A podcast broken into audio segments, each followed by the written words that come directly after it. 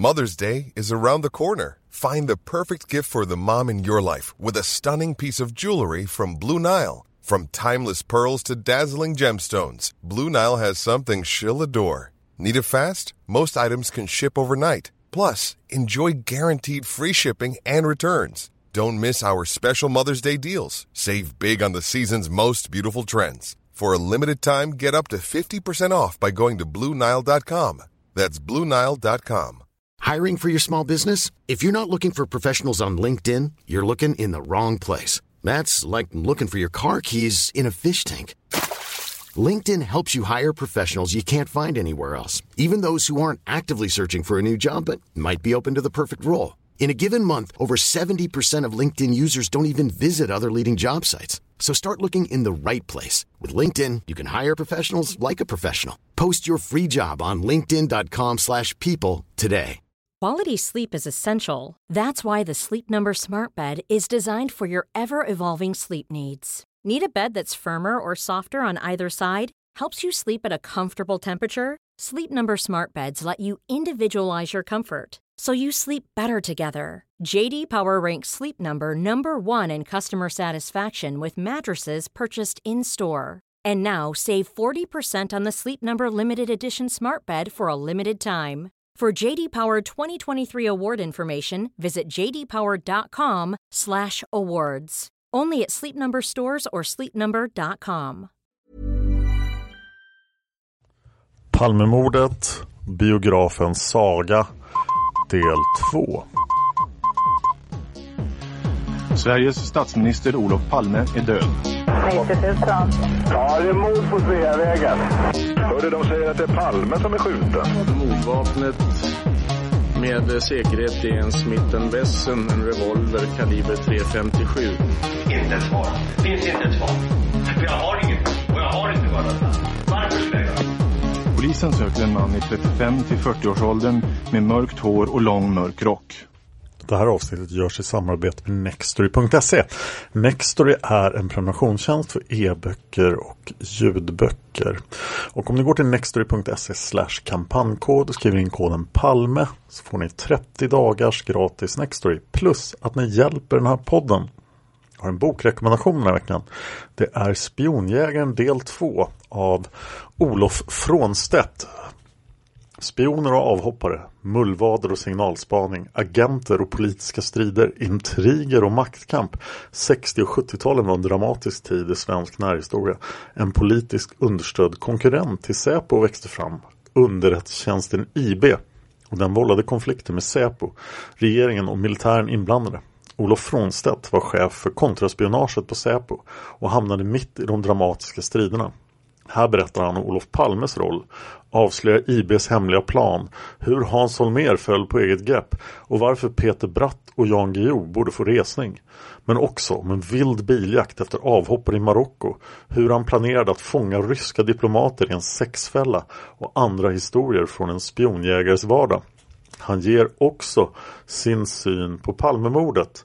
Andra delen av Olof Frånstedts memoarer är en spännande skildring av hur det egentligen gick till bakom kulisserna i folkhemmet Sverige. Den här finns som e-bok på Nextory. Ni kan alltså gå till nextory.se kampanjkod och skriva in koden MORD så får ni läsa den här boken gratis i 30 dagar.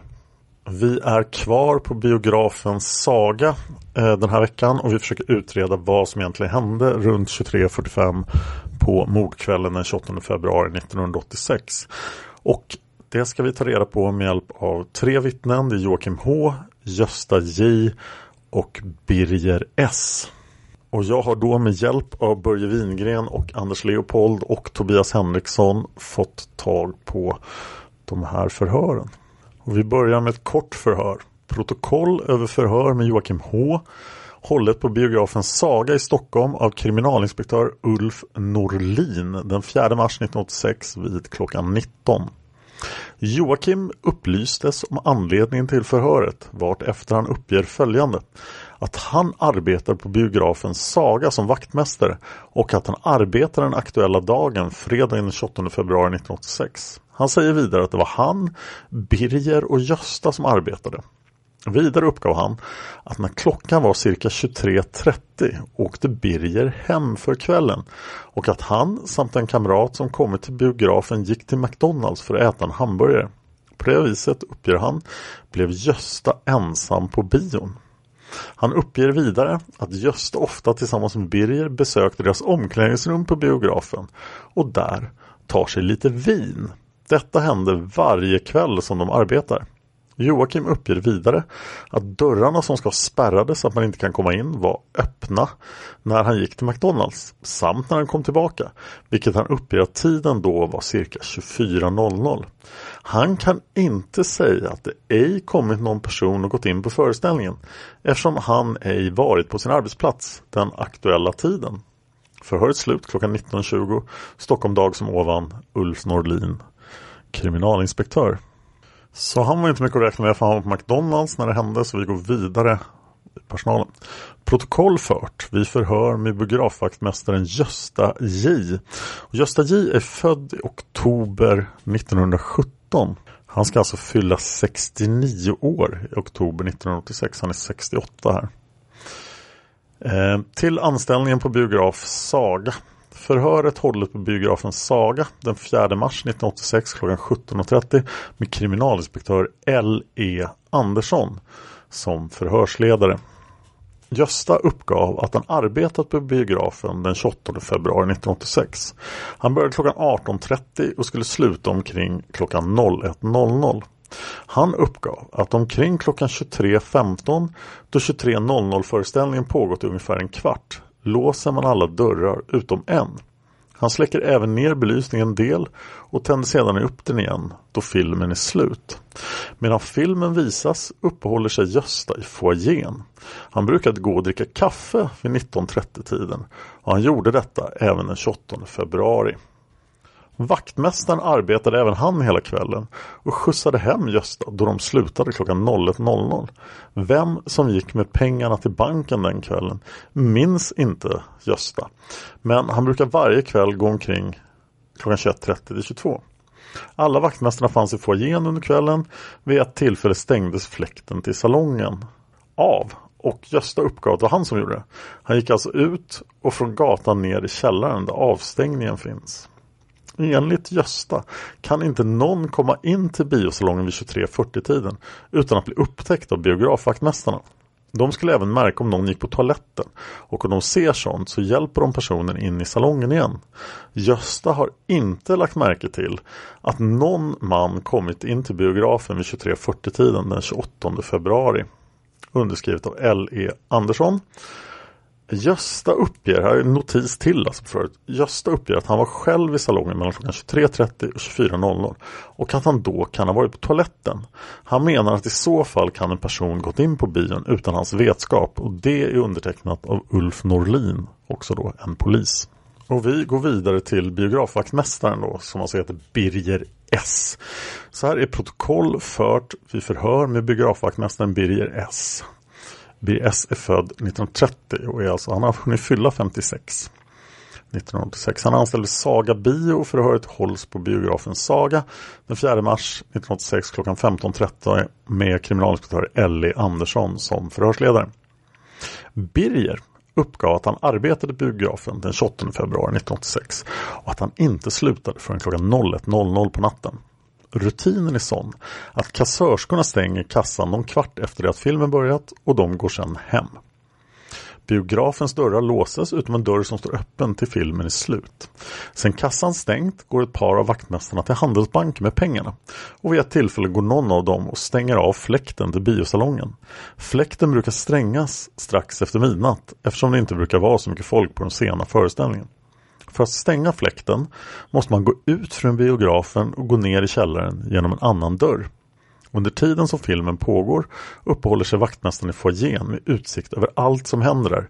Ingen kan obemärkt passera in eller ut och inte heller till toaletten som finns en trappa ner. Efter en stund erinrar sig Svensson att man kvällen den 28 februari, liksom de flesta andra kvällar, gått med biografens pengar till banken redan vid 22-tiden. Det var även möjligt att han själv lämnat biografen för att stänga av fläkten vid 23.30-tiden. Han ansåg det helt uteslutet att någon kunnat gå in i salongen vid 23.45-tiden utan att observeras av vaktmästaren. Filmen var enligt Birger slut cirka klockan 00.35 och hon åkte själv hem vid 01.05 från Hötorgets tunnelbanestation. Ellie Andersson, kriminalinspektör. Det var då de tre anställda. Eh, men det här är inte ett avsnitt som är åtta minuter långt utan Palmeutredningen bestämmer sig för att komma tillbaka och prata med åtminstone en av de här personerna igen. Det är mycket möjligt att de pratar med flera men jag har inte sett de förhören. Men jag har flera förhör med vaktmästaren Birger. Och här är det P.A. Helmers som håller i förhöret. Det är den 16 mars, klockan är 20.45. Birger S. biografvaktmästare förhörs då. Birger besöktes på arbetsplatsen Sagan den 16 mars 1986 klockan 20.45 av P.A. Helmers och Norberg. Han tillfrågades angående sina lämnade uppgifter till en dagstidning där han sagt betydligt mer än vid förhör hos polisen. Han säger att han den 28 februari 1986 klockan 23.30 var ensam kvar i biograffoajén. En trappa upp befann sig då biljettkassörskan och höll på att låsa in dagskassan. Klockan 23.35 hämtades godisförsäljerskan av en taxi. Strax efter detta, cirka klockan 23.40, kommer en man inrusad på biografen från okänt håll. Han ropar att han vill köpa en biljett till pågående film. Birger upplyser honom då att filmen hållit på i 35-40 minuter och undrar om han verkligen vill ha en biljett ändå. Men mannen propsade på att komma in. Men Svensson sa då att det var för sent. Biljettkassan var redan stängd. Biljettförsäljaren kom då ner för trapporna och sa att om det nu var så viktigt för den mannen att få en biljett så kunde hon sälja den till honom och bokföra den på morgondagens föreställning. När mannen fick veta att biljetterna fanns på ovanvåningen gav han en 50-lapp till henne. Han fick veta att biljettpriset var 38 kronor. Mannen sa sedan att han skulle springa på toaletten medan hon var uppe och hämtade biljetterna och han sprang sedan ner för trapporna till toan. När han kom upp igen fick han biljetten och släpptes in i biosalongen av Birger. Birger delgavs att han var kallad till förhör den 17 mars 1986 klockan oläsligt hos Ulf Norlin, KK1. Han påminner om vikten att han verkligen infinner sig. Och efter de här sensationella uppgifterna från Birger så blir han mycket riktigt förhörd nästa dag. Så här framför mig har jag ett dialogförhör. Protokoll över förhör med biografvaktmästaren Birger S. född 1930 anställd biografen Saga, Kungsgatan 24. Förhöret hållet på kriminalavdelningen den 17 mars 1986 med kriminalinspektör L.E. Andersson som förhörsledare utan tillgängligt förhörsvittne. Förhöret upptages på band och påbörjas klockan 11.00. Birger hörs om sina iakttagelser på biografen Saga den 28 februari 1986. Förhörsledaren. Ja Birger, du har tidigare blivit hörd i det här ärendet och då har du berättat för oss nere på biografen att kassan hade stängt. Inte någon hade kommit in till föreställningen sedan jag hade stängt dörrarna och nu har uppgifter framkommit i tidningen om att du har gjort andra iakttagelser. Vilken version är den riktiga Birger? Birger, det riktiga är att är att när klockan var 23.35 då stod jag utanför Saga och väntade på en taxi åt Konkan. Konkan är hon som jobbar i Marabou-kiosken. 23.35 så kom den taxin och då gick jag in igen på Saga. Och precis då var kassörskorna på väg ifrån kassan och på väg upp för trappan till kontoret. Då var det helt mörkt, vi hade släckt ner i kassan, vi hade släckt ner i foajén och stora skylten, den var släckt. Förhörsledaren, vi hade gjort säger du, men vilka är vi? Birger, jaha det är väl Gösta förmodligen som hade släckt där uppe. Förhörsledaren, är väl så du vet inte vilka som var på biografen? Eh, Birger, jo, jo, det var Gösta, Jocke och jag. Gösta J, Jocke och jag. Förhörsledaren. Det var ni tre som jobbade då? Birger, ja. Förhörsledaren, men jag vet inte om det var Jocke eller Gösta som hade varit uppe och släckt. I och med att jag stod utanför och väntade på taxin. Det säger inte förhörsledaren utan det är felnoterat i protokollet. Utan det måste ju vara Birger som säger det. Jag vet inte om det var Jocke eller Gösta som hade varit uppe och släckt i och med att jag stod utanför och väntade på taxin. Så släckte kassörskorna kassan i alla fall. Sen var de på väg upp för trappan. Och då kommer in en kille. Jag har ingen aning om hur han ser ut i och med att det är mörkt där nere i foajén. Jag vet inte vad han hade på sig eller någonting. Men så säger jag tyvärr det är stängt här. Och då säger han men kan inte jag få köpa en biljett i alla fall och gå in på bion? Nej det är stängt, kassörskorna har gått hem. Men då vänder sig kassörskan om. Förhörsledaren, ja, kassörskan är på väg upp för trappan och de vänder sig om, säger du. Birger. Då vänder sig den ena om som bär på den där lådan med biljetter och pengar i och säger, ja men det går bra Birger, det går bra. Och vad kostar det? sa killen. 38 kronor. Ta 50 spänn så länge så går jag ner på toaletten under tiden för att hämta biljetten. Alltså han måste gå ner på toaletten under tiden medan hon hämtar biljetten. Birger fortsätter. Jag går upp mitt i trappan och hon river av en biljett. Ger mig biljetten och jag får 12 kronor tillbaka. Sen går jag ner och står och väntar på honom tills han kommer upp från toaletten och han får 12 kronor. Och jag river biljetten och släpper in honom. Förhörsledaren. Var det någon annan vaktmästare i foajén då? Birger. Äh, det var ingen som har sett det konstigt nog. Men jag sa till Gösta att du måste för helsike ha sett det. Äh, jag kanske satt inne i kassan och läste tidningen, sa Gösta. Ja, men det var ju mörkt in i kassan, sa jag. Ja, men jag ser och läser ändå, sa Gösta. Men det hörde du inte att jag hade någon där? Nej, sa Gösta. Det är ingen som har uppmärksammat det, tror jag. Det säger Birger då. Den enda som vet att hon har sålt en biljett, jag sa jag kan ta med det här på redovisning imorgon och det är Ella R. Kassörskan. Förhörsledaren Ella R. Jobbar hon varje dag på Saga? Birger, nej, nej det gör hon inte. Förhörsledaren, hur ofta är Ella R på Saga? Birger, för det mesta är hon där fredagar, lördagar, söndagar kanske? Förhörsledaren, har ni uppgifter om henne på biografen? Vet ni var hon bor och så? Birger, hon bor på Östermalm någonstans. Förhörsledaren, Ella R. Och Birger, ja. Förhörsledaren, finns det uppgifter på biografen var hon finns någonstans? Birger, inte på dagarna för hon har Förhörsledaren, ja men jag menar var bor hon? Birger, ja, ja visst. Förhörsledaren, det finns det. Varför berättar du inte det här för oss? Birger, jag kommer inte ihåg det. Förhörsledaren, det är väl ganska underligt. Vi var hos dig på Saga den 4 mars. Det är alltså bara tre dagar efter den här händelsen. Och då kommer inte du ihåg någonting av det. Birger, nej, jag hade inte en tanke på det här då. Förhörsledaren, du försäkrade oss att det absolut inte hade kommit in en enda människa.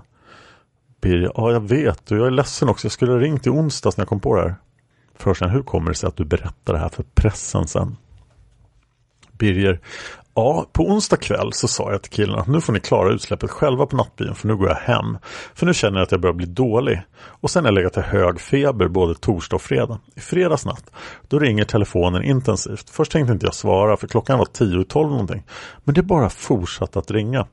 Och så var det uppehåll ett tag och så ringde det igen. Jag tänkte det är bäst jag svarar för det kan vara någonting som har hänt. Så jag svarade och då säger de att de gärna vill komma upp och prata med mig. Förhörsledarna, vilken natt var det här? Och Birger, eh, det var natten till, det var fredagsnatten. Förhörsledaren, vad, vad var det på onsdagen sa du? Birger, på, på onsdagen, då var jag på Saga till klockan 12. Förhörsledaren, då var du på Saga, jaha? Så i fredags ringde man till dig. I fredags natt ringde man till dig. Birger, ja. Förhörsledaren, och fråga om det här. Birger, ja. Förhörsledaren, hur kom det sig att man tog kontakt med just dig tror du? Birger, det vet jag inte alls. Förhörsledaren, vem var det som ringde då?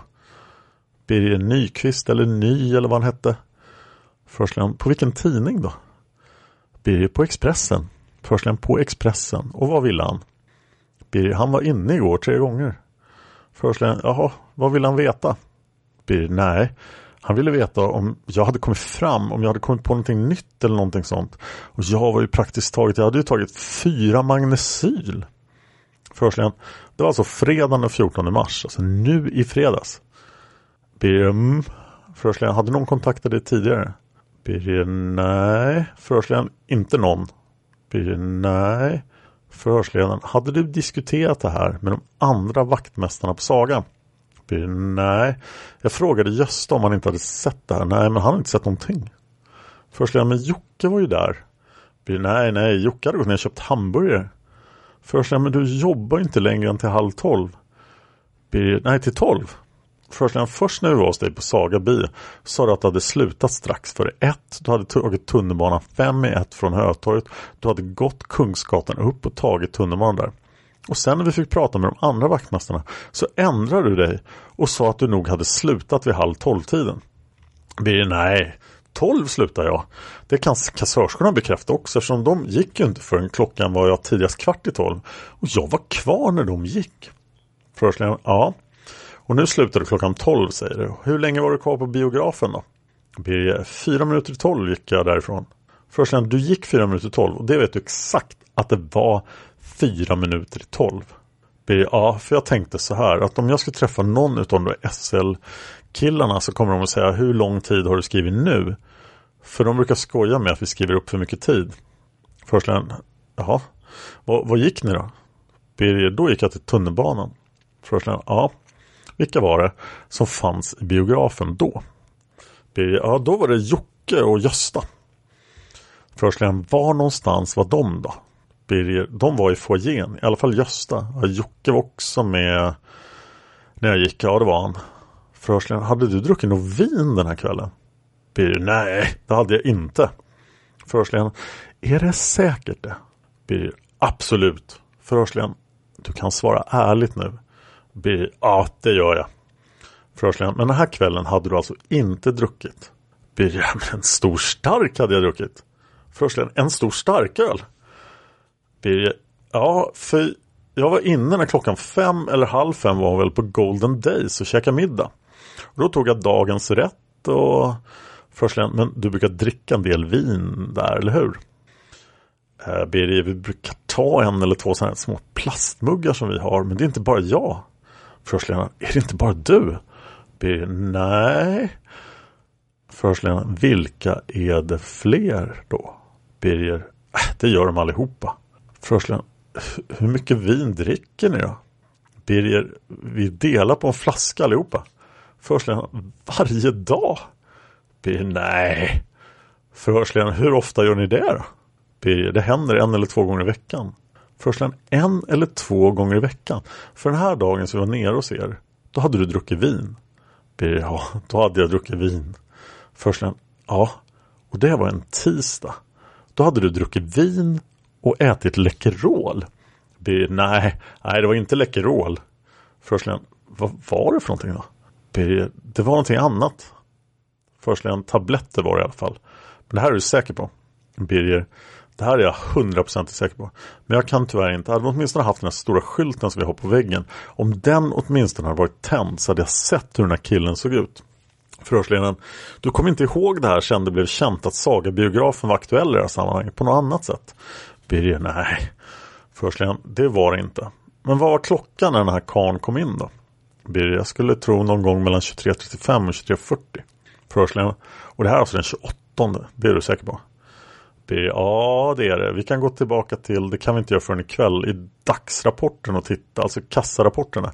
Och se hur Ella Rågard har fört in den biljetten. Får hon sluta med ett nummer? Nej, det kan man inte göra. Och så måste hon börja med samma nummer igen.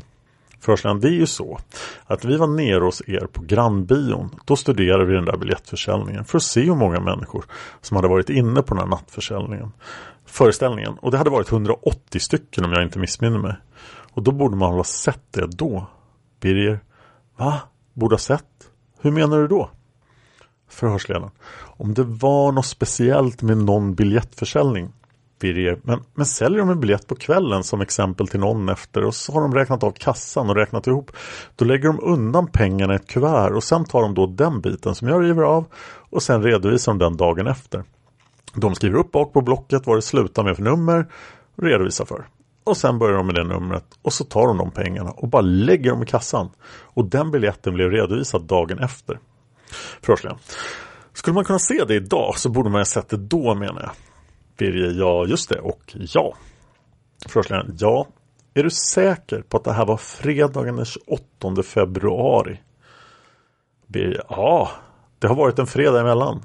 Förhörsledaren. men det har varit två fredagar emellan. Birger, två fredagar emellan? Förra fredagen då låg jag sjuk och då jobbade jag inte. Och veckan före då jobbade jag. Förslän, hur ofta jobbar du på sådana här nattföreställningar? Är det bara på fredagarna som det är nattbio? Birger, nej det är fredag och lördag. Förslän, fredag och lördag är nattbio. Nu senaste fredagen och lördagen, alltså den 14 och 15 mars, så låg du sjuk säger du. Birger, ja torsdag, fredag låg jag sjuk. Förhörsledaren, jaha, men du jobbade i lördags. I lördags kväll började jag inte förrän klockan fem. Och då gick jag hem klockan elva. Då stängde vi balkongen till nattbion, för det brukar vi göra. Förhörsliga. Men frågan återstår lika fullt. Var det verkligen på fredagen den 28 februari som du gjorde den här iakttagelsen och som den här mannen kom in på biografen? Birger. Ja. Det enda som kan hjälpa mig att komma ihåg det är i så fall Marabotjejen och Ella R och Birgitta. Det var de två som satt i kassan. Om de jobbade tillsammans den fredagen så måste det ha varit den fredagen. Förhörsledaren. Så om de två jobbar tillsammans? Birger. Ja, för det var de två som jobbade en av fredagarna. Förhörsledaren. Den här tjejen i kassan.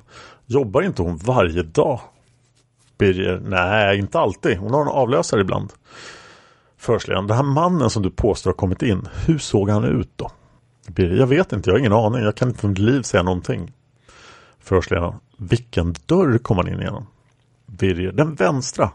Förhörsledaren. Är du säker på det? Birger. Det var den enda dörren som var öppen. Förhörsledaren. Vi har pratat med Jocke.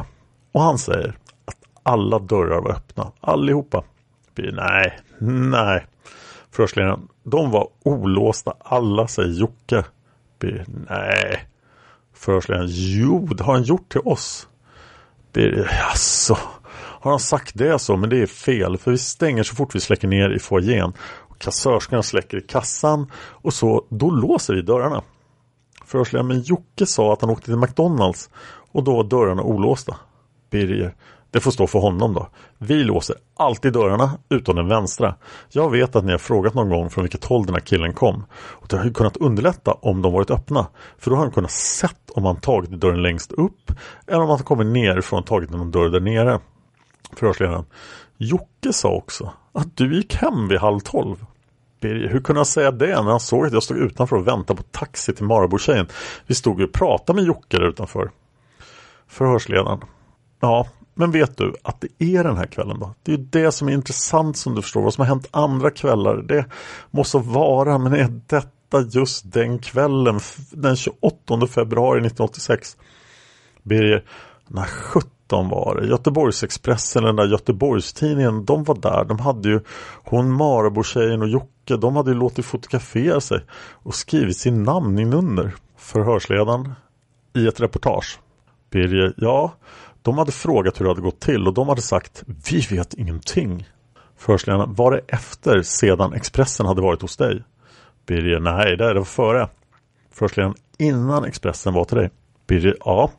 Och nu i fredags eller lördagsnatt. Lördags var det, jag vet inte, jag kommer inte ihåg vilken kväll utav det som det var. Då var det någon som hade ringt upp både Konkan och Jocke och sagt att vi ska mörda dig, hade de sagt till Konkan. Och hon hörde det inte själv utan det var hennes mamma som svarade för hon var hos en kompis. Och Jocke skulle just gå ut så han blev livrädd. Och då var det en mystisk röst som hade sagt Vi ska mörda dig din jävel, hade de sagt till honom. Och sen hade de bara lagt på luren. Förhörsledaren. Sammanfattningsvis kan man då säga att du vidhåller de här uppgifterna från Expressen från i onsdags. Där det står att en man vid 23.30-tiden hade kommit in på Saga och han pratade med dig, gjorde han inte det? Birger, ja. Förhörsledaren, hur nära dig stod han då? Birger, han stod precis vid stolpen som du kommer ihåg där. Jag stod en bit in vid räcket. Förhörsledaren, men du fick pengar av honom? Birger, ja. Så tog jag 50-lappen så här och så gick han ner och så sprang han ner på toaletten och jag gick upp. Förhörsledaren, och sen lämnade du biljetten till honom. Birger, ja jag rev den. Så lämnade jag pengarna och biljetten. Och samtidigt som man river när man kommer så här sent, då river man och så lämnar man. Och så säger man varsågod bara. Och så öppnar man dörren. Förhörsledaren, då måste du ju ha stått alldeles bredvid honom. Birger, ja i princip, men jag kan inte för mitt liv. Förhörsledaren, då måste du ju kunna veta någonting om hur den här människan såg ut. Birger, nej. Förhörsledaren, hur var han klädd? Birger, jag vet inte. Jag tänker inte på sånt. Förhörsledaren, bar han på någonting? Birger, nej, nej det gjorde han inte. Förhörsledaren, hade han någonting på huvudet? Birger, han hade ingenting i händerna. Förhörsledaren, men det var inte det jag frågade. Hade han någonting på huvudet? Birger, nej, nej det tror jag inte han hade. Förhörsledaren, vad hade han för kläder i övrigt då? Birger, det vet jag inte. Jag vet inte om han hade långrock, skinnjacka eller täckjacka eller vad han hade på sig överhuvudtaget. Förhörsledaren, hur såg den här mannen ut i håret då? Birger, frisyr tänker jag väl aldrig på. Förhörsledaren, hur pratade han då? Birger, ja han pratade svenska och han frågade bara om han inte kunde få komma in på bion. Förhörsledaren, hur gammal var han då? Birger, det är också väldigt svårt att säga. Uppskattningsvis någonting mellan 30-40 år, någonting sådär. Han kan ha varit yngre. Förhörsledaren, har du sett den här mannen förr? Birger, nej, inte vad jag vet. När jag inte känner igen honom så vet jag ju inte. Förhörsledaren, kan det här ha varit en annan kväll där? Birger, det skulle det kunna vara. Det kanske är fredagen efter, det vet jag faktiskt inte. Förhörsledaren, hur ska man kunna få reda på det? Birger, vi kan ju se vem som jobbar fredagen efter. Om det var samma gäng då och sen ta reda på vilka kassörskor den här aktuella kvällen eller om det kan vara två andra kassörskor på fredagen efter. Förhörsledaren, kommer Jocke och Gösta till bion ikväll? Birger, nej Jocke kommer väl inte tror jag. Han svarar nog inte på sitt nummer för han törs inte svara längre på sin telefon. Han törs inte bo hemma utan han bor hos sina föräldrar ute i Salem. Förhörsledaren, ja men dit har ju du telefonnummer. Birger, ja de, de har bytt telefonnummer ute nu. Jag kom till en som visserligen jobbar på censur också. Men på en annan avdelning så hon visste inte var. Förhörsledaren, du vet alltså inte när han kommer till bion? Birger, inte i huvudet. Jag har ju listan där nere. Vi gör ordning den för en hel månad så det är svårt att ha allting i huvudet. Vi har i alla fall 12-13 grabbar här. Förhörsledaren. Till Expressen så har du uttalat det. Det här är du säker på inträffar den 28 februari. Men nu är du inte lika säker utan det kan eventuellt vara fredagen därpå, det vill säga den 7 mars. Det kan inte vara lördagen också. Birger, nej, nej det kan det inte vara. Förhörsledaren. Nej, varför inte det? Birger, därför att då har ju inte, och det är klart att Ella jobbar ju på lördagen också, det gör hon, det är sådana där detaljer som man inte tänker på. Det är sådana här rutinmässiga grejer, man är så van vid efterslängare. man bara liksom finns där hela tiden. Och hädanefter kommer vi att tänka på allt då. Förhörsledaren, jag hoppas du har klart för dig hur viktigt det här är. Birger, ja. Förhörsledaren, att det här är rätt uppgifter som du ger mig här. Birger, ja. Men det kan jag kolla om jag ser, det kan jag åka ner på bion direkt och kolla upp. Förhörsledaren, ska du jobba ikväll? Birger, nej, nej, jag jobbar idag. Jag börjar halv två. Förhörsledaren, halv två, ja. Vi får se om det kommer ner någon till biografen. Birger, men jag kan ju ringa upp till dig annars. Förhörsledaren, under kvällen här, ja det, det går bra. Birger, med detsamma, jag kommer ner till bion. Nu åker jag direkt till bion nu. Förhörsledaren, mm, och så kan du lämna lite uppgifter där. Birger, mm, om jag tittar på kassörskornas lista också, vilka som jobbade. Förhörsledaren, ja, du har inte mer att säga om den här händelsen.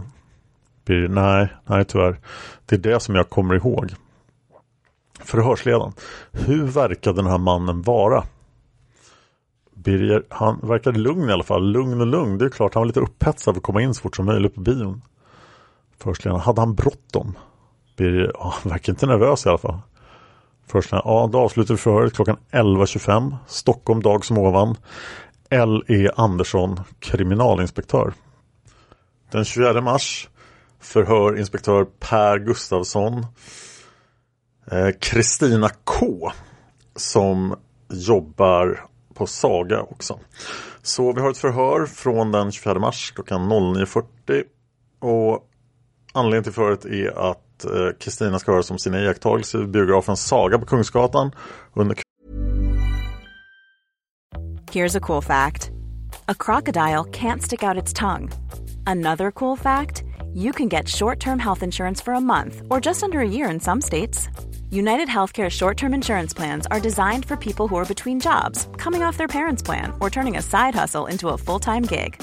Underwritten by Golden Rule Insurance Company, they offer flexible, budget friendly coverage with access to a nationwide network of doctors and hospitals. Get more cool facts about United Healthcare short term plans at uh1.com. If you thought the only way to get a more defined jawline with natural looking results was through surgery, think again. Juvederm Volux XC is a non surgical injectable gel filler that improves moderate to severe loss of jawline definition and can help you achieve natural looking results with little downtime. Even better, this improved definition lasts up to one year with optimal treatment. No maintenance required. Improve jawline definition for a smooth, sculpted look with Juvederm Volux XC. For important safety information and to find a licensed specialist, visit juvederm.com. That's J U V E D E R M.com. Not for people with severe allergic reactions, allergies to lidocaine, or the proteins used in Juvederm. Common side effects include injection site redness, swelling, pain, tenderness, firmness, lumps, bumps, bruising, discoloration, or itching. There's a risk of unintentional injection into a blood vessel, which can cause vision abnormalities, blindness, stroke, temporary scabs, or scarring. Talk to a licensed specialist to find out if it's right for you. Quality sleep is essential. That's why the Sleep Number Smart Bed is designed for your ever evolving sleep needs. Need a bed that's firmer or softer on either side? Helps you sleep at a comfortable temperature? Sleep Number Smart Beds let you individualize your comfort so you sleep better together. JD Power ranks Sleep Number number 1 in customer satisfaction with mattresses purchased in-store. And now save 40% on the Sleep Number limited edition Smart Bed for a limited time. For JD Power 2023 award information, visit jdpower.com/awards. Only at Sleep Number stores or sleepnumber.com. Kvällen den 28 februari. Nattföreställningen som börjar klockan 23.00. Utredning av mordet på statsminister Palme. Kristina arbetade i godiskiosken på biografen Saga vid Kungsgatan i Stockholm under kvällen den 28 februari 86. Hon har extrajobb genom Marabou och hon sålde under kvällen godis till biobesökarna. Efter det att nattföreställningen börjat klockan 23.00 hade hon räknat kassan vilket tog omkring 15 till 20 minuter varefter hon gick upp till Enskilda banken i hörnet av Kungsgatan Sveavägen. Under tiden som hon hade gått till banken hade vaktmästaren Birger S ringt efter taxi åt henne. När Kristina vandrade upp till banken såg hon en polisbil, piké, på Kungsgatan. Polisbilen åkte med sirener och blåljus upp mot korsningen med Sveavägen. När hon sedan kom tillbaka till Sagabiografen så ställde sig Kristina och Birger vid biografentréns ytterdörrar för att invänta taxibilen. De stod där båda två och väntade på taxin. Under tiden så åkte det förbi flera lediga taxibilar och vaktmästaren Birger sa vid något tillfälle att Kristina istället borde försöka ta någon av dessa bilar istället. Hon menade dock att eftersom han ringt och beställt taxi så skulle man invänta den beställda bilen. Kristina uppgav vidare här är det väldigt svårläst i förhöret. För det fortsätter förutom den vänstra dörren som var olåst. Under tiden hon väntar på taxin så vill Kristina minnas att en av de andra anställda, en kille som heter Jocke, satt på en soffa bredvid godiskiosken i salongen. Jocke satt och pratade med en kompis. Beträffande de båda andra kassörskorna så uppgav Kristina att hon inte är riktigt säker på att hon sett dessa båda i salongen. Hon menade dock att normalt så tar det längre tid för dem att räkna sina kassor eftersom det rör sig om större summor. Kassörskorna brukar normalt sitta kvar i kassan och räkna färdigt och hon menade att dessa borde ha varit klara efter henne och därför varit kvar på bion. Hon har dock inte något direkt minne av att hon såg dem. Beträffande biografvaktmästaren Gösta J så kan denna ha befunnit sig någon annanstans på bio och då möjligtvis gått ner för att hämta sina ytterkläder för att följa med kassörskorna och banka sina kassor. Kristina kan inte direkt påminna sig om att hon såg Gösta J under tiden hon väntade på taxin. Under tiden hon väntade på bilen så kom det inte in någon biobesökare. Hon och Birger hade hela tiden befunnit sig vid biografentrén och under denna tid kom ingen till biografen. Omkring klockan 23.30 till 23.35 kom taxin och hämtade henne. Kristina vill minnas att det var en Volvo-taxi och man åkte till Stenkilsvägen 2 på Lidingö. Resan tog inte lång stund. Hon beräknade att hon var hemma omkring klockan 23.45 till 23.50. Vidare uppgav Kristina att hon och Jocke varit intervjuade i en Göteborgstidning och att tidningen uppgivit hennes och Jockes fullständiga namn. Någon gång omkring klockan 23.30 tiden den 15 mars 1986 hade Kristina varit hemma hos en kamrat på Södermalm som heter Lena N. När telefonen ringt och en mansröst hade sagt till Kristina du skall dö. Detta var det enda som uttalas och Kristina kunde ej förmärka någon särskild dialekt eller brytning. Mannen hade dock talat svenska men hon tyckte att rösten hade förställts. Hon har sedermera fått reda på att den andra biografvaktmästaren Jocke också ska ha fått detta hot per telefon. Kristina ringde sedan polisen och anmälde telefonhotet. Vidare så berättade Kristina att hon egentligen trodde att det hela var ett dåligt skämt från någon eftersom hon ju befunnit sig hos en kamrat där ingen utomstående egentligen borde veta att hon fanns. Hon hade också fått reda på att Jocke Joakim H står i telefonkatalogen och att det endast finns en person med det namnet i Stockholmskatalogen. Förhöret slutar 09.55. Hon godkänner förhöret utan erinran Per Gustafsson, kriminalinspektör. Och nästa dag får Jocke H, Joakim H komma in för att prata om det här också. Det är också Per Gustafsson som håller i. Förhöret är från den 25 mars eh, 1986 klockan 9. Jocke arbetade som biografvaktmästare på biografen Saga på Kungsgatan i Stockholm under kvällen den 28 februari 1986. Han arbetade tillsammans med Birger S, Gösta J, Tina K, alltså det är Kristina, samt två kvinnor som satt i kassan som heter Ella och Birgitta Ella R och Birgitta K. Jocke uppgav att nattföreställningen började klockan 23 och att han då hjälpte till med insläppet. Efter det att samtliga gått in på biografen så hade kassörskorna börjat med att göra ordning sina kassor. Jocke menar att detta görs rutinmässigt och att de sitter kvar i kassalokalen under tiden kassaräkningen sker. Hur lång tid detta hade tagit den 28 februari kunde Jocke inte svara på men han uppgav att kassaräkningen normalt tar cirka 20 minuter. Detta är dock olika beroende på hur pass stor kassa man har. Under tiden som detta skedde hade biovaktmästaren Birger S hjälpt flickan i chokladkiosken Tina K med att ringa efter en taxi till henne. Jocke vill minnas att Tina K och Birger S stått vid biografentrén och väntat på taxin. Eventuellt hade Tina K gått ut några gånger på gatan och tittat efter taxin. Birger S hade också gått och ringt till andra personer som brukar arbeta på biografen för att försöka få tag på några som ville jobba påföljande dag. Under kvällen hade Jocke fått besök av en kompis. Man kunde inte påminna sig exakt när denne kommit. Men de båda hade senare omkring 00.10-tiden gemensamt begivit sig till McDonalds på Kungsgatan. Och de kom tillbaka till bion omkring klockan 00.25.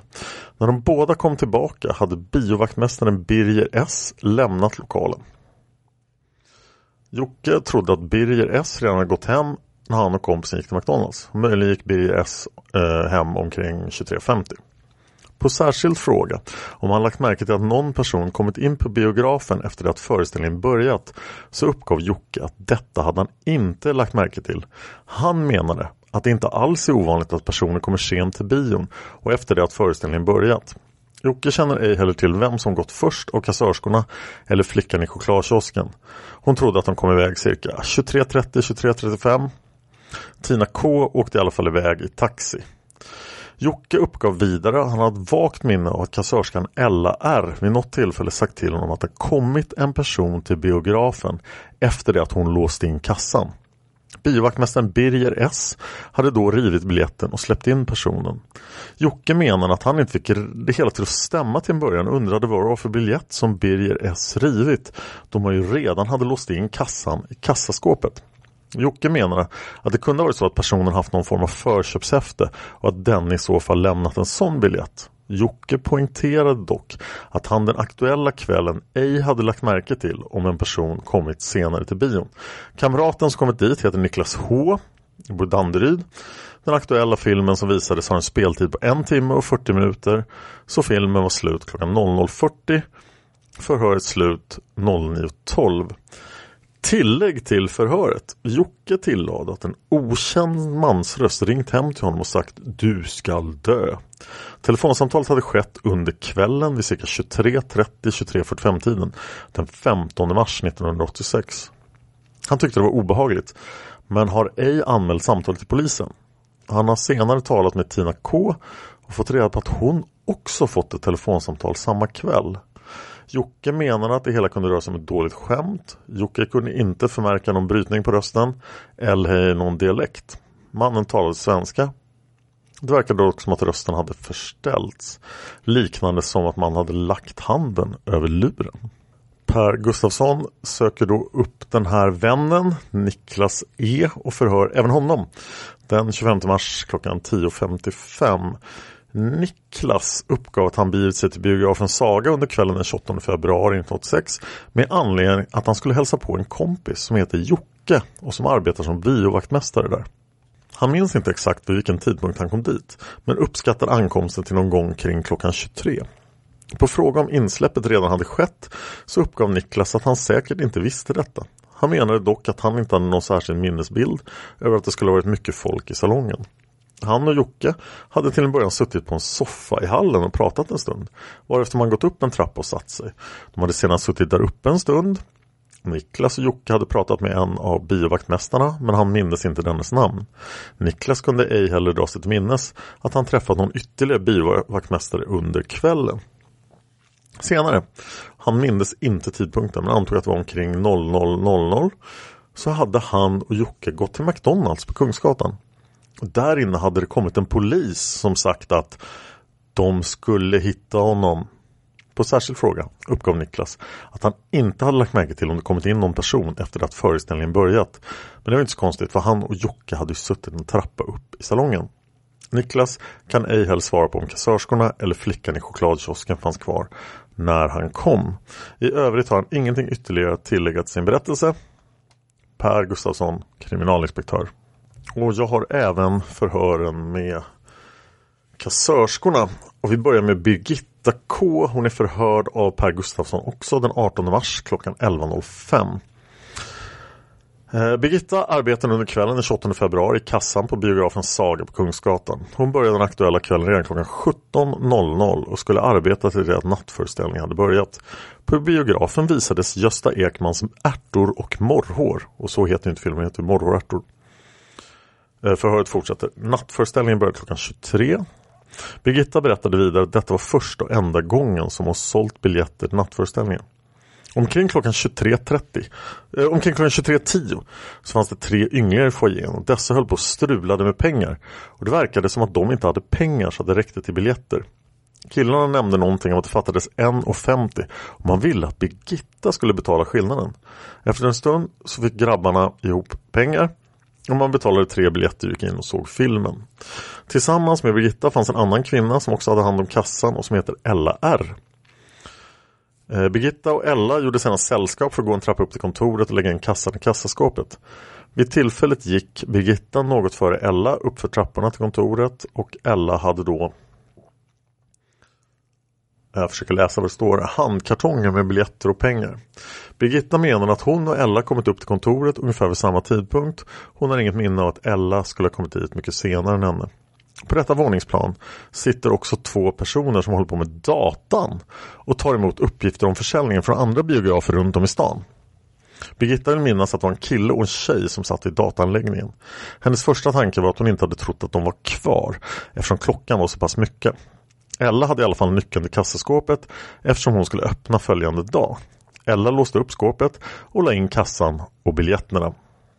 Ella och Birgitta tog på sig kapporna där uppe och gjorde gemensamt sällskap ut från biografen. Birgitta gick sedan Kungsgatan och vidare upp för ett par trappor till Regeringsgatan där hon hade sin bil parkerad. När hon lämnade bion så vill Birgitta minnas att klockan var omkring 23.25. Hon har efteråt på söndagen talat med Ella helt kort och Ella menade att klockan var 23.30. Birgitta åkte sedan iväg med bilen och passerade Alexandra där hon fick stanna för rött ljus. Hon såg där en massa poliser och Birgitta förs att hon då tittade på klockan och tänkte att ja, det blev inte så sent i alla fall. Birgitta vill mena att klockan då var cirka 23.30. På frågan vilka personer som fanns kvar på bion när hon och Ella lämnade stället så vill hon minnas att det med säkerhet var Birger S kvar i salongen.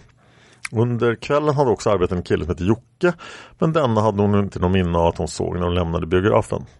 På särskild fråga om flickan i chokladkiosken fanns kvar så visste hon inte detta. Hon sa i alla fall hej då till Birger S när hon gick ut. På en särskild fråga till henne så uppgav Birgitta att hon ej sett någon person komma in på biografen efter det att föreställningen börjat. De enda personer hon sett gå in efter att filmen startat var de tre killarna som hade haft svårt att få ihop pengar. Några andra personer har hon inte sett. Ella har ej heller nämnt någonting om att hon skulle ha sålt biljett till någon efter att kassan stängt. Avslutningsvis så uppgav Birgitta att hon haft sin bil parkerad utanför Gamla Nalen på Regeringsgatan. Hon hade gått trapporna upp från Kungsgatan till Regeringsgatan och fram till bilen.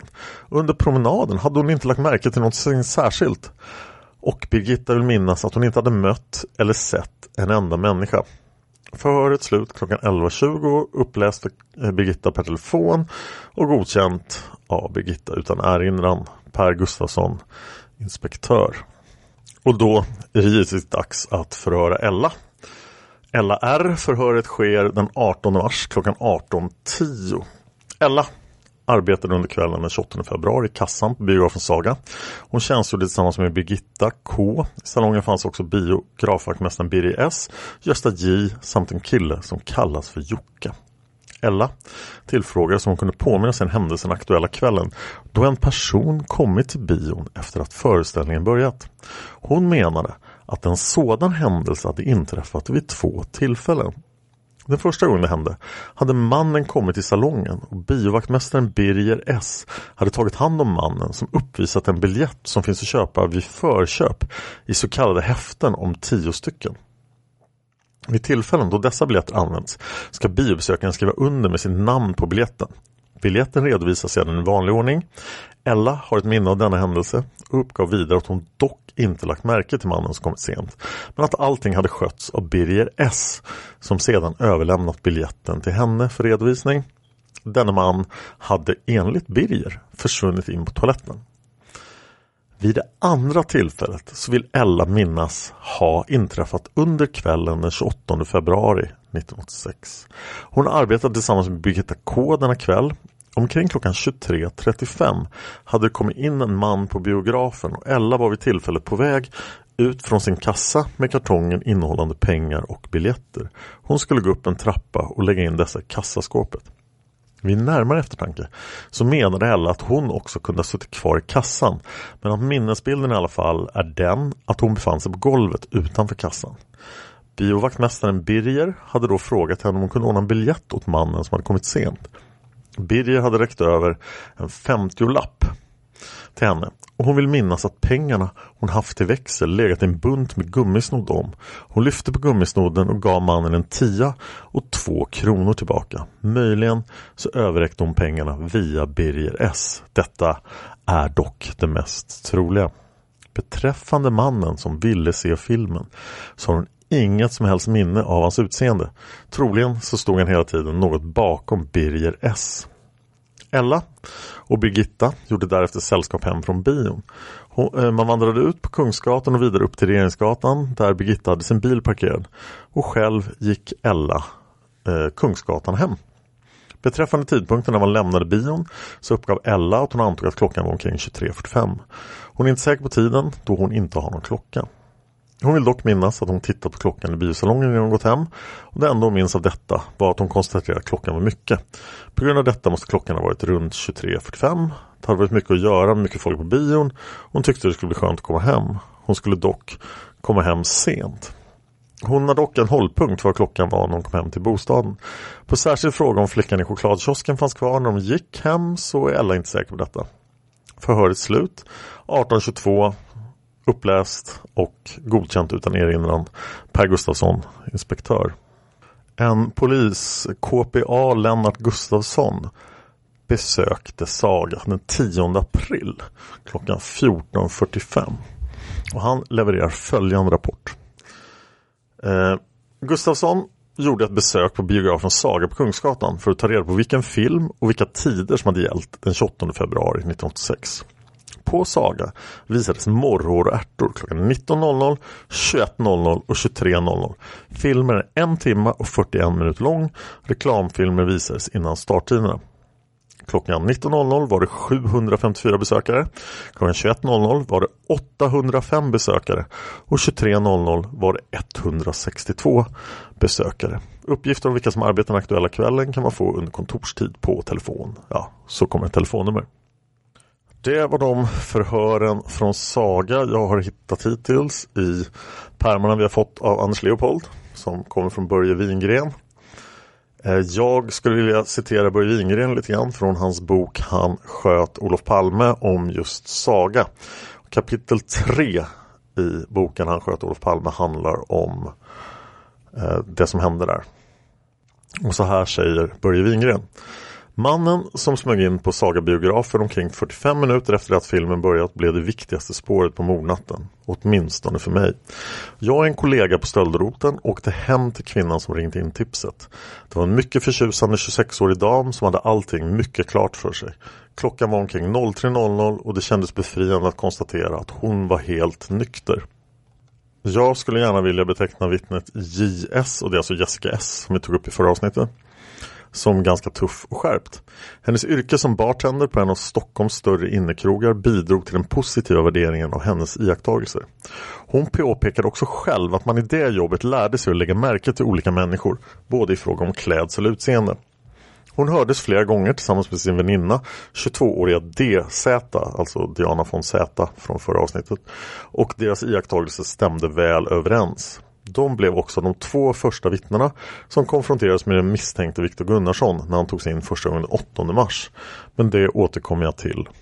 Som jag påpekat tidigare är det oftast de första iakttagelserna efter ett mord som blir de värdefullaste när det gäller att binda den misstänkte till brottet. Vi hör vittnet och vi skriver ner en rapport som kallas spaningsuppslag. Denna rapport ligger till grund för det fortsatta spaningsarbetet och kompletteras senare med ett bandinspelat förhörsprotokoll. Det här är valda delar av vittnet J.S. iakttagelser som de nedtecknas i spaningsuppslaget timmarna efter mordet. Och där berättar då Börje saker som vi redan tog upp i förra avsnittet. Eh, här är beskrivningen av mannen då en gång till. Cirka 180 cm lång, mörkt hår, dock inte kolsvart. Ovalt ansikte, möjligen något åt det smalare hållet, påfallande stor, rak näsa. Han var normalt klippt och inget hår växte över kragen. Det finns en detalj i de båda kvinnornas vittnesmål, säger Börje Wingren, som är av största vikt. Tidpunkten. Här pressades de på olika sätt. Rekonstruktionen på biografen gjordes och man kan säga att de på sin höjd vill flytta tiden bakåt fem minuter. I stort sett halva filmen har alltså gått när den här mannen kommer in. Det rör sig om ungefär 20 minuter efter mordet på Olof Palme. Det är ganska uppenbart att mannen valt biografen för att gömma sig. Han rör sig snabbt, han sjunker ner i fåtöljen, han tar inte ens av sig den knälånga överrocken.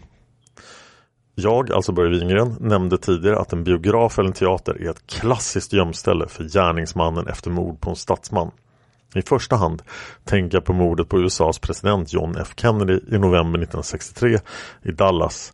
Lee Harvey Oswald var åtminstone en av de personer som sköt på Kennedy, säger Börje Wingren. Det har diskuterats om just hans skott var det dödande, men i vilket fall som helst flydde han från platsen med en taxi. När han lämnade bilen mötte han en polisman som han uppfattade som hotfull och sköt honom till döds. Därefter rusade han in på Texas Theater under pågående föreställning. Byggnaden omringades och Oswald greps. När det gällde mordet på Kennedy valde mördaren eller mördarna mordplatsen. De visste var bilkortegen skulle dra fram. När det gäller mordet på Olof Palme bör vi vara överens om att mördaren inte har kunnat göra ett sådant val, säger Börje Wingren. Däremot utgår han kanske från att mordet ska genomföras någonstans i området kring biografen Grand. Då kan han mycket väl ha tänkt sig biografen Saga med sin sena föreställning som ett lämpligt gömställe. Omkring fem minuters snabb promenad från Grand. Om den här mannen kommit in på biografen under samma former men bara några minuter efter föreställningens början hade han varit ointressant. Det är alltså tidpunkten som är avgörande. Och den berättigade frågan är naturligtvis vad har personalen gjort för iakttagelser? Vi trodde i inledningen att det var en enkel sak att med deras hjälp inte bara få bekräftat om någon kommit in på biografen så sent utan också få en mycket bra beskrivning av mannens utseende och klädsel. Ja, om vi räknade med att det här var mördaren så skulle personalen på Saga få en nyckelroll trodde vi alltså. En av mina mycket omtyckta kollegor, kriminalinspektör Lars-Erik Andersson, fick ansvaret att hålla i den delen. Jag bör tillägga att han också är mycket skicklig och samvetsgrann polisman. Han fick ett elände med Saga-personalen. Alla fastställda rutiner på biografen var i närmast upplösta. Personalen stannade inte kvar till arbetstidens slut utan turades om att sticka iväg tidigare. Nu gällde det för de anställda att hålla sig till vad som sades i instruktionerna och visa att de hade följt, det, följt instruktionerna. Den allvarligaste lögnen i detta tidigaste skede var biografvaktmästaren Birger S första uppgift att han hade varit kvar på sin arbetsplats till klockan 01.00 att biografens dörrar utom en låst klockan 23.15 och att ingen person skulle komma in under föreställningen utan att upptäckas. Även vaktmästare Gust Gösta J påstod enligt protokollet den 4 mars följande. Enligt Gösta kan inte någon komma in till biosalongen vid 23.40-tiden utan bli upptäckt av biografvaktmästarna. De skulle även märka om någon gick in på toaletten och om de ser sånt hjälper de personen in i salongen igen. Gösta har inte lagt märke till någon man som kommit in till biografsalongen vid 23.40-tiden den 28 februari. Börje Wingren fortsätter. Där stod vi alltså med två viktiga vittnen som kanske sett statsministerns mördare komma in på biografen och en personal som förnekade att detta var möjligt. Men jag vägrade misstro damerna. De kunde helt enkelt inte hitta på den här historien. I det läget hade vi inte kontakt med några andra biobesökare som varit på Sagas 23-föreställning. Så var låg felet? Lars-Erik Andersson och hans kollegor vände ut och in på de anställda och deras rutiner och till slut började sammanhållningen svikta. Flickan i gottkiosken började berätta om vaktmästarnas vanor på kvällarna. Birger brukade dricka en del vin medan föreställningen pågick och allt som oftast försvann han och Gösta ner i personalutrymmet. Även den yngre vaktmästaren Jocke avslöjade att det dracks en del under arbetstid. Nu började vi ana att personalen hade backat upp varandra för att ingen skulle riskera att förlora jobbet. Fanns det en möjlighet att få igen vid den aktuella tidpunkten varit obemannad så att en person hade kunnat rusa in? Vaktmästaren Gösta tas in för nytt förhör och medger nu att han var i salongen mellan 23.30 och 24.00 och att han då kan ha gjort ett besök på toaletten. Vid det tillfället kan någon ha smitit in. Det ljusnade. Vi hade i alla fall fått upp dörren på glänt men det räckte inte för att styrka damernas påstående att mannen hade kommit in när cirka 45 minuter av filmen rullat. Tidningen Expressen hjälpte oss på traven. Biografvaktmästaren Birger intervjuades om händelsen den 28 februari och nu fanns här uppgifter om en man som kom in på biografen ungefär vid den tidpunkt då de kvinnliga vittnena gjorde sin observation. Lars-Erik Andersson tog in Birger till nytt förhör varav valda delar följer här. Ja, och de har ni hört då där Birger plötsligt berättar att det här faktiskt har hänt. Börje Wingren fortsätter. Dagen efter hördes också kassörskan Ella. Och hon sa bland annat följande. Och sen kommer det där med att det faktiskt har hänt igen. Börje fortsätter. Genom dessa vittnesmål måste det anses klart att de båda kvinnliga vittnena inne i biosalongen har rätt beträffande tidpunkten. Men det är ju fruktansvärt beklagligt att de anställda på biografen inte har kunnat ge oss minsta användbara signalement på mannen. Vi frågade oss om det för Birger överhuvudtaget var möjligt att undvika att se hur den här mannen var klädd eller om han hade någon speciell dialekt. Även om vittnet Birger ville dölja att han och hans arbetskamrater ibland lämnade jobbet för tidigt kunde han ha berättat om mannen som kom cirka 40 minuter för sent. Och ändå glömmer han bort denna anmärkningsvärda händelse. Det gör även kassörskan. Därtill fastslår två av vaktmästarna att ingen kunde osedd ta sig in på biografen vid den aktuella tidpunkten. Det medför att de båda sagavittnena inte togs på fullt allvar. Jag var nog det enda undantaget. Som jag skrivit tidigare betvivlade inte de båda biobesökande damernas vittnesmål men det kändes skönt att senare få tidsangivelsen styrkt. Ja, det var oerhört viktigt. En person som kommer 40-45 minuter för sent till bion är ute i skumma avsikter. I inledningsskedet kunde jag släppa misstanken att det kanske rörde sig om en uteliggare som i ett obevakat ögonblick smitit in. Men så var det inte. Det har vi nu personalens ord på. Och hade det varit en uteliggare som kommit 45 minuter sent så hade han aldrig släppts in. Inte heller en berusad person som kunde antas ställa till med besvär. Mannen, som de anställda inte kan eller vågar beskriva, uppträdde lugnt, var lite upphetsad för att han ville komma in så fort som möjligt. Han hade bråttom, men han verkade inte nervös. Birger har alltså trots allt gjort vissa iakttagelser och han talar inte om en spritdoftande uteliggare. De båda damerna prickar in tidpunkten som bör vara 23.40. Därefter förtjänar också de övriga uppgifterna de lämnat att tas för sanna. Men redan när jag timman efter mordet hört de båda sagavittnena kände jag intuitivt att här var vi inne på rätt spår. Vad som behövdes nu var ett snabbt anhållande av en person som uppehållit sig i området. En som tidsmässigt mycket väl kunde ha gömt sig på sagabiografen omkring 23.40 vars klädsel och utseende stämde överens med damernas iakttagelser. Och den mannen fick vi också in en vecka senare, säger Börje Wingren och syftar förstås på Viktor Gunnarsson. Och där lämnar vi biografen saga för den här gången men avsnittet är inte riktigt slut än. För vi har en annan man som har sprungit in på en biograf vid en misstänkt tidpunkt. Det här är från uppgiftsmottagaren Gustav Bonnet som måste vara en polis. Han skriver ett spaningsuppslag i grövre brottmål den 30 mars 1986 klockan 09.30. Och då har han pratat med Daniel E, Per O och Jörgen S. Och Gustav Bonnet rapporterar följande. Jag har talat med ovanstående personer.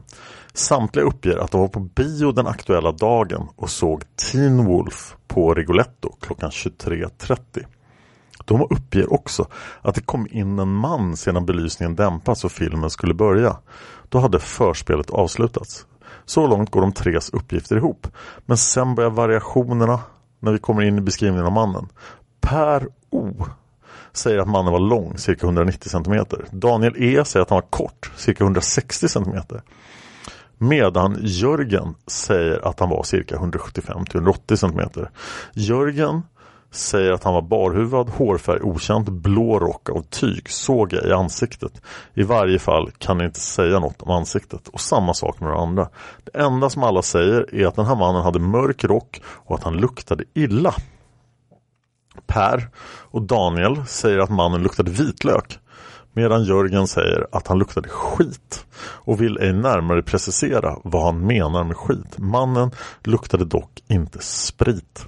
Han hoppade till när vaktmästaren kom in för att sätta igång projektorn och de uppfattade det som rädsla. Det här är alltså en observation som gjorts på Rigoletto. På den biograf som Viktor Gunnarsson faktiskt sa att han gick på, men på en annan film. Han gick på Rocky 4 och det här var på Teen Wolf. Och där var vi klara med dagens avsnitt.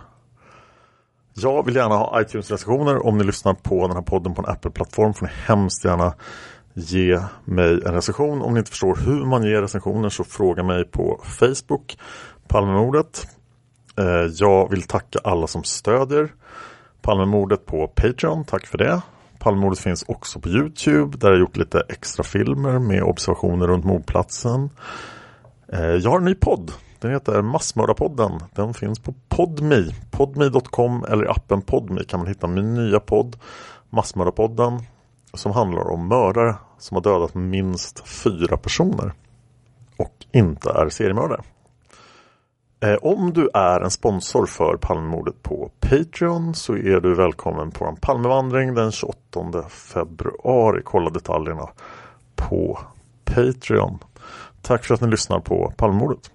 Man hittar Palmes mördare om man följer PKK-spåret till botten. Därför att ända sedan Julius Caesars tid har det aldrig hört talas om ett mord på en framstående politiker som inte haft politiska skäl. Polisens och åklagarens teori var att han ensam hade skjutit Olof Palme. Och det ledde också till rättegång. Men han frikändes i hovrätten.